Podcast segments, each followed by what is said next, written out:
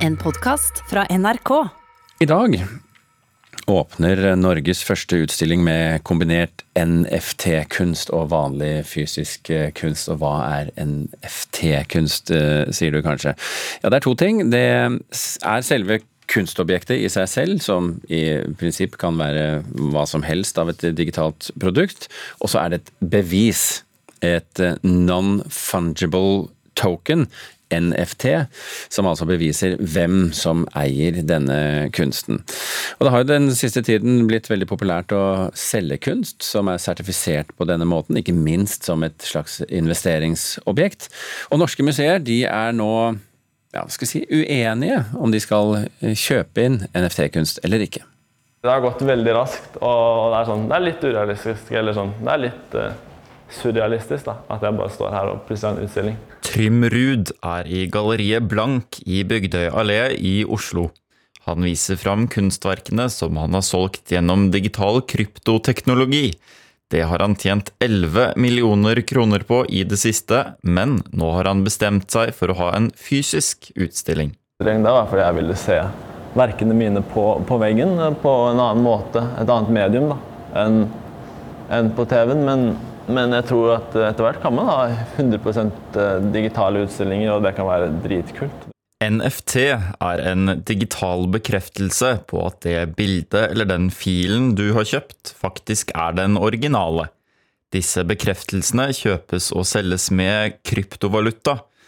Ruud mener en fysisk utstilling kan forene den nye digitale kunsten med mer tradisjonell kunst. Jeg håper kanskje at uh de som går forbi her, kan se at shit, det kan være litt kult med andre ting da, som ikke er f.eks. tradisjonelle malerier eller ja, Jeg vet ikke hva folk har på veggene sine, men uh, noe annet enn ja, også Push-Wagner. Jeg liker han, men ja, litt forskjellig. Da. Mm.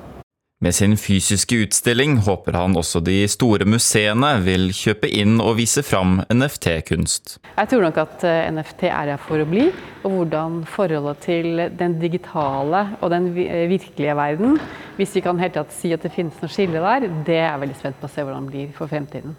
Tone Hansen er direktør for Henny Onsdag kunstsenter i Bærum. Hun mener at museet må følge med i tiden og nå vurderer museet om også de skal gå til innkjøp av NFT-kunst. Jeg er verken for eller imot noen utvikling. Eh, jeg tenker at vi, Vårt ansvar er å speile den verden vi lever i. Og når verden går den veien, så må vi også følge etter og sørge for at vi kan være aktuelle. Også for den eh, generasjonen som kommer, som er opptatt av og kan spillverden og kan alle disse kodene som ikke vi kan nødvendigvis. Kodemuseene i Bergen kommer derimot ikke til å kjøpe inn digital kunst. Det forteller direktør Petter Snare. Nei, Akkurat nå så tror jeg ikke det er, det er aktuelt for oss. Vi er jo et museum som, som er litt tilbakeskuende og må liksom se samtiden litt eh, bakfra. Eh, så vi får se hvordan dette utvikler seg som kunstform, og, og om det bare blir som du spør om en flopp, eller om det er noe som vi faktisk må bevare for ettertiden. Reportere her var eh, Tarjei Mo Batalden og Aida Korami. Og I går så snakka vi om at Vinternatt i Rondane skulle selges på auksjon i London. Nå er det solgt, og hva prisen ble, det får du vite om ja, ti på ni omtrent. Da skal vi det. Det er jo litt i den andre enden av kunstverden i forhold til eh, NFT-kunst. Så skal vi også bevege oss nå uh, enda lenger tilbake enn det også. Vi skal til helleristningen i Alta, vi skal til Bryggen i Bergen eller Røros, for det er jo noen av Norges verdensarvsteder. Og om ikke lenge så kan de få besøk av um, flere andre steder på listen. I morgen så starter en lang konferanse hvor Unesco da skal ta stilling til nye verdensarvsteder. Og Norge er jo da et av landene i komiteen som skal ta stilling til eh, dette. Og en av dem som sitter i den kommisjonen, og ikke bare sitter, men også leder den, det er riksantikvar Hanna Geiran. Velkommen til oss, Hanna. Takk skal du ha. Dette er altså et, eh, et langt komitéarbeid, må vi kunne si. Eh, hva er det de, denne komiteen skal ta avgjørelsen om nå? Komiteen skal bl.a. ta avgjørelse om nye verdensarvsteder. Det er jo det den kanskje er mest kjent for. Og det er jo ekstremt prestisjefylt å få denne statusen. Eh, men komiteen skal også diskutere å sette verdensarvsteder på den såkalte farelista, og også eh, sågar å eh, frata noen av verdensarvstedene denne statusen.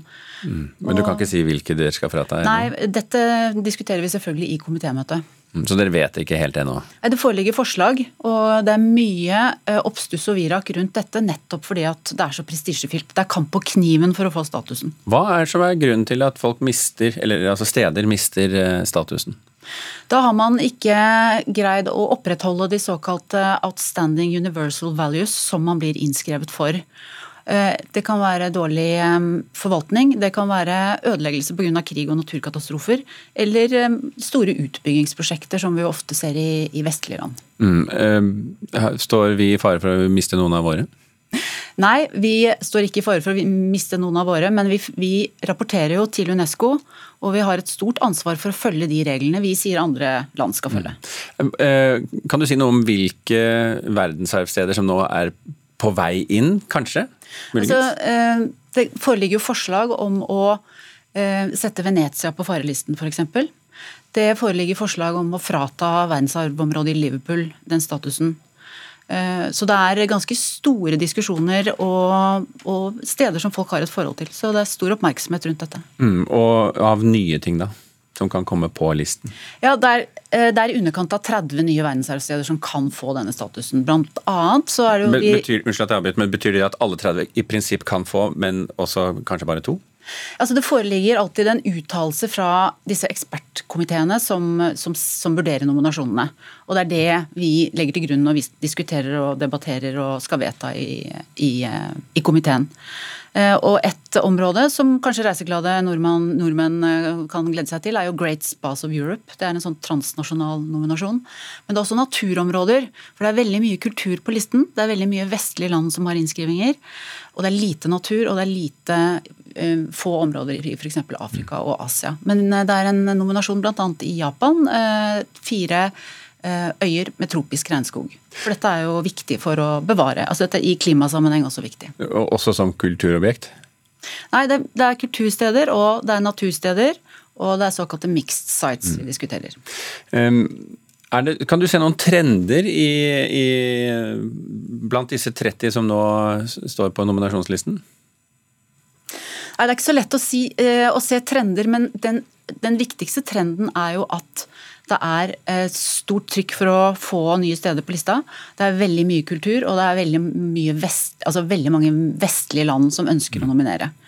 Og det er, eh, det er, noe Norge har, Den skjevheten er noe Norge jobber for å, å gjøre noe med. Mm, er det, er det da snakk om um, at de ønsker å bli med for å bevare ting, eller fordi det er god business? Det kan nok være begge deler, men det er jo eh, en mulighet For det første så får du en status. Dette er ikke bare lokal og nasjonal verdi, dette er, dette er verdi for menneskeheten, for oss alle. Så den statusen er stor, og det gir også mulighet for, å, for inntekter bl.a. knyttet til turisme. Det er noe, er noe, opplagt. Og du får mulighet for å få hjelp og støtte, hadde jeg nær sagt. Riksantikvar Hanna Geiran, som altså leder denne norske kommisjonen, takk for at du var med, og så får du komme tilbake og fortelle om hva som blir resultatet når de kommer frem til det. Veldig gjerne. Takk skal du ha. Takk. Vi bytter tema igjen. Vi eh, skal til noe helt annet. It's not every day that a zookeeper went to prison for murder for hire. There are more captive tigers in the U.S. than there are in the wild throughout the world. They know people are nuts, man. Mange av dere kjenner uh, denne lyden. Det er fra Netflix-dokumentaren uh, Tiger King drap, kaos og galskap. I dag så konkluderte en føderal eh, domstol at hovedpersonen Joe Exotic, eller Joseph Maldonado Passage, som han egentlig heter, at han bør få en kortere fengselsstraff. Så her må vi få litt hjelp til å mm, rydde opp her. Aida Korami, god morgen. God morgen. Vår kulturreporter. Hva kan du fortelle mer om denne eh, saken nå? Joe Exarich ble jo verdenskjent gjennom denne dokumentaren som kom i mars i fjor. Den handler om livet til den veldig eksentriske tigeroppretteren Joe Exaric og rivaliseringen med dyrevernforkjemperen Carol Baskin. Og hva er liksom kjernen i denne rivaliseringen? I serien mener Baskin at eh, Joe Exarics virksomhet er skadelig for dyrene, mens Joe Exaric mener at forholdene på dyrereservatet til Baskin er kritikkverdige. Han hevder også at Baskin trakasserer ham, og i serien får vi også se at hun overtaler hans samarbeidspartner til å ikke jobbe med han. Og hele denne tvisten Den ender med at han angivelig skal ha hyret leiemordere for å drepe Baskin.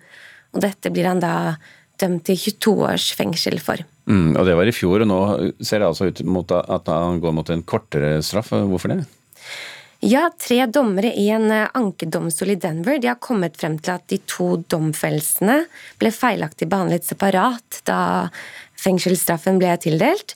Begge handlet om ønsket om å drepe Baskin, og derfor skulle straffen vært mellom 17,5 og 22 eh, års fengsel, eh, og ikke mellom 22 og 27 års fengsel. Mm, og Joe Exotic selv, hva har han sagt?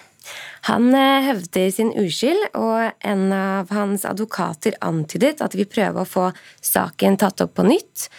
Eh, han har også oppfordret den amerikanske presidenten Joe Biden til å være en helt og benåde ham. Ok, Aida Korami, takk for oppdateringen. Det er duket for storslagen science fiction når Spiderman-skuespiller Tom Holland og eh, Daisy Ridley, som du kanskje husker fra Star Wars, de, de nye og moderne Star Warsene, og ikke minst da superskurk-skuespilleren Mats Mikkelsen inntar kinolerretet i filmen Chaos Walking. Den har premiere i morgen. Regissøren det er Doug Lyman. Kjenner kanskje han fra Jason Bourne-filmene, og ikke minst mannen bak Tom Cruise-blockbusteren Edge of Tomorrow. Vi har med oss eh, filmanmelder i NRK Marte Hedenstad for å høre om dette er en film du bør styrte til kinoene for å se. Og Marte, hva slags film er det Dag Lyman har eh, laget denne gangen? Altså, han har jo da laget en science fiction-film som forsøker seg på et ganske sånn ja, interessant eh, tankegods. Eh, vi befinner oss et par hundre år i fremtida, på en fjern planet. Eh, og der møter vi da Todd, spilt av eh, Tom Holland.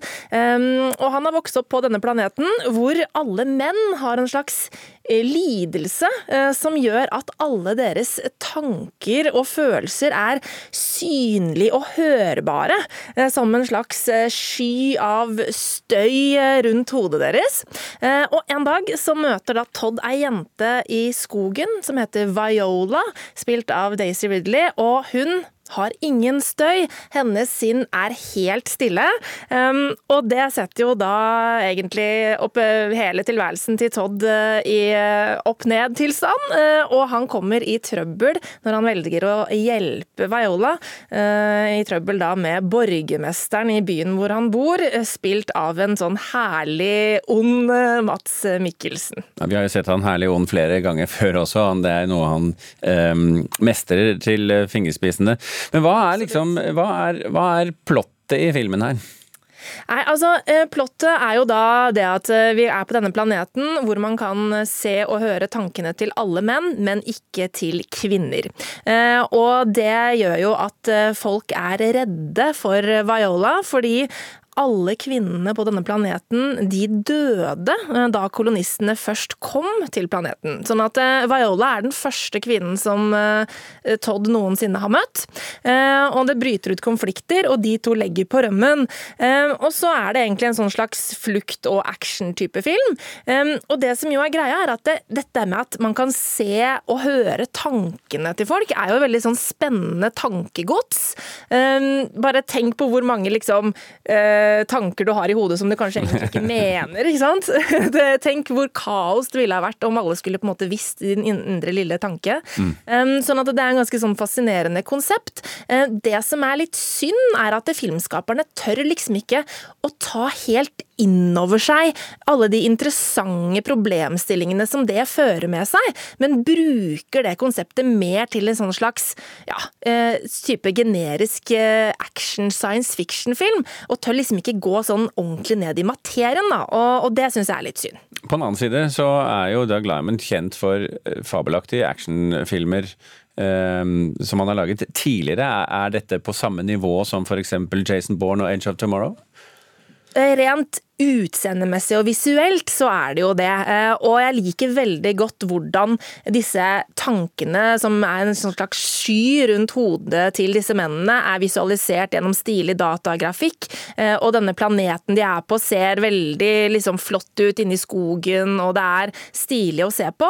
Eh, men det er ikke noe nerve her, der Doug Lyman har klart å skape liksom spennende thriller og intens science fiction tidligere skuespillere, så blir dette her aldri veldig spennende, rett og slett. Ok, Marte Hedenstad, filmkritiker her i NRK, takk for at du var med oss og snakket om filmen Chaos Walking, som altså har eh, premiere i morgen. Du har hørt en podkast fra NRK. Hør flere podkaster og din NRK-kanal i appen NRK Radio.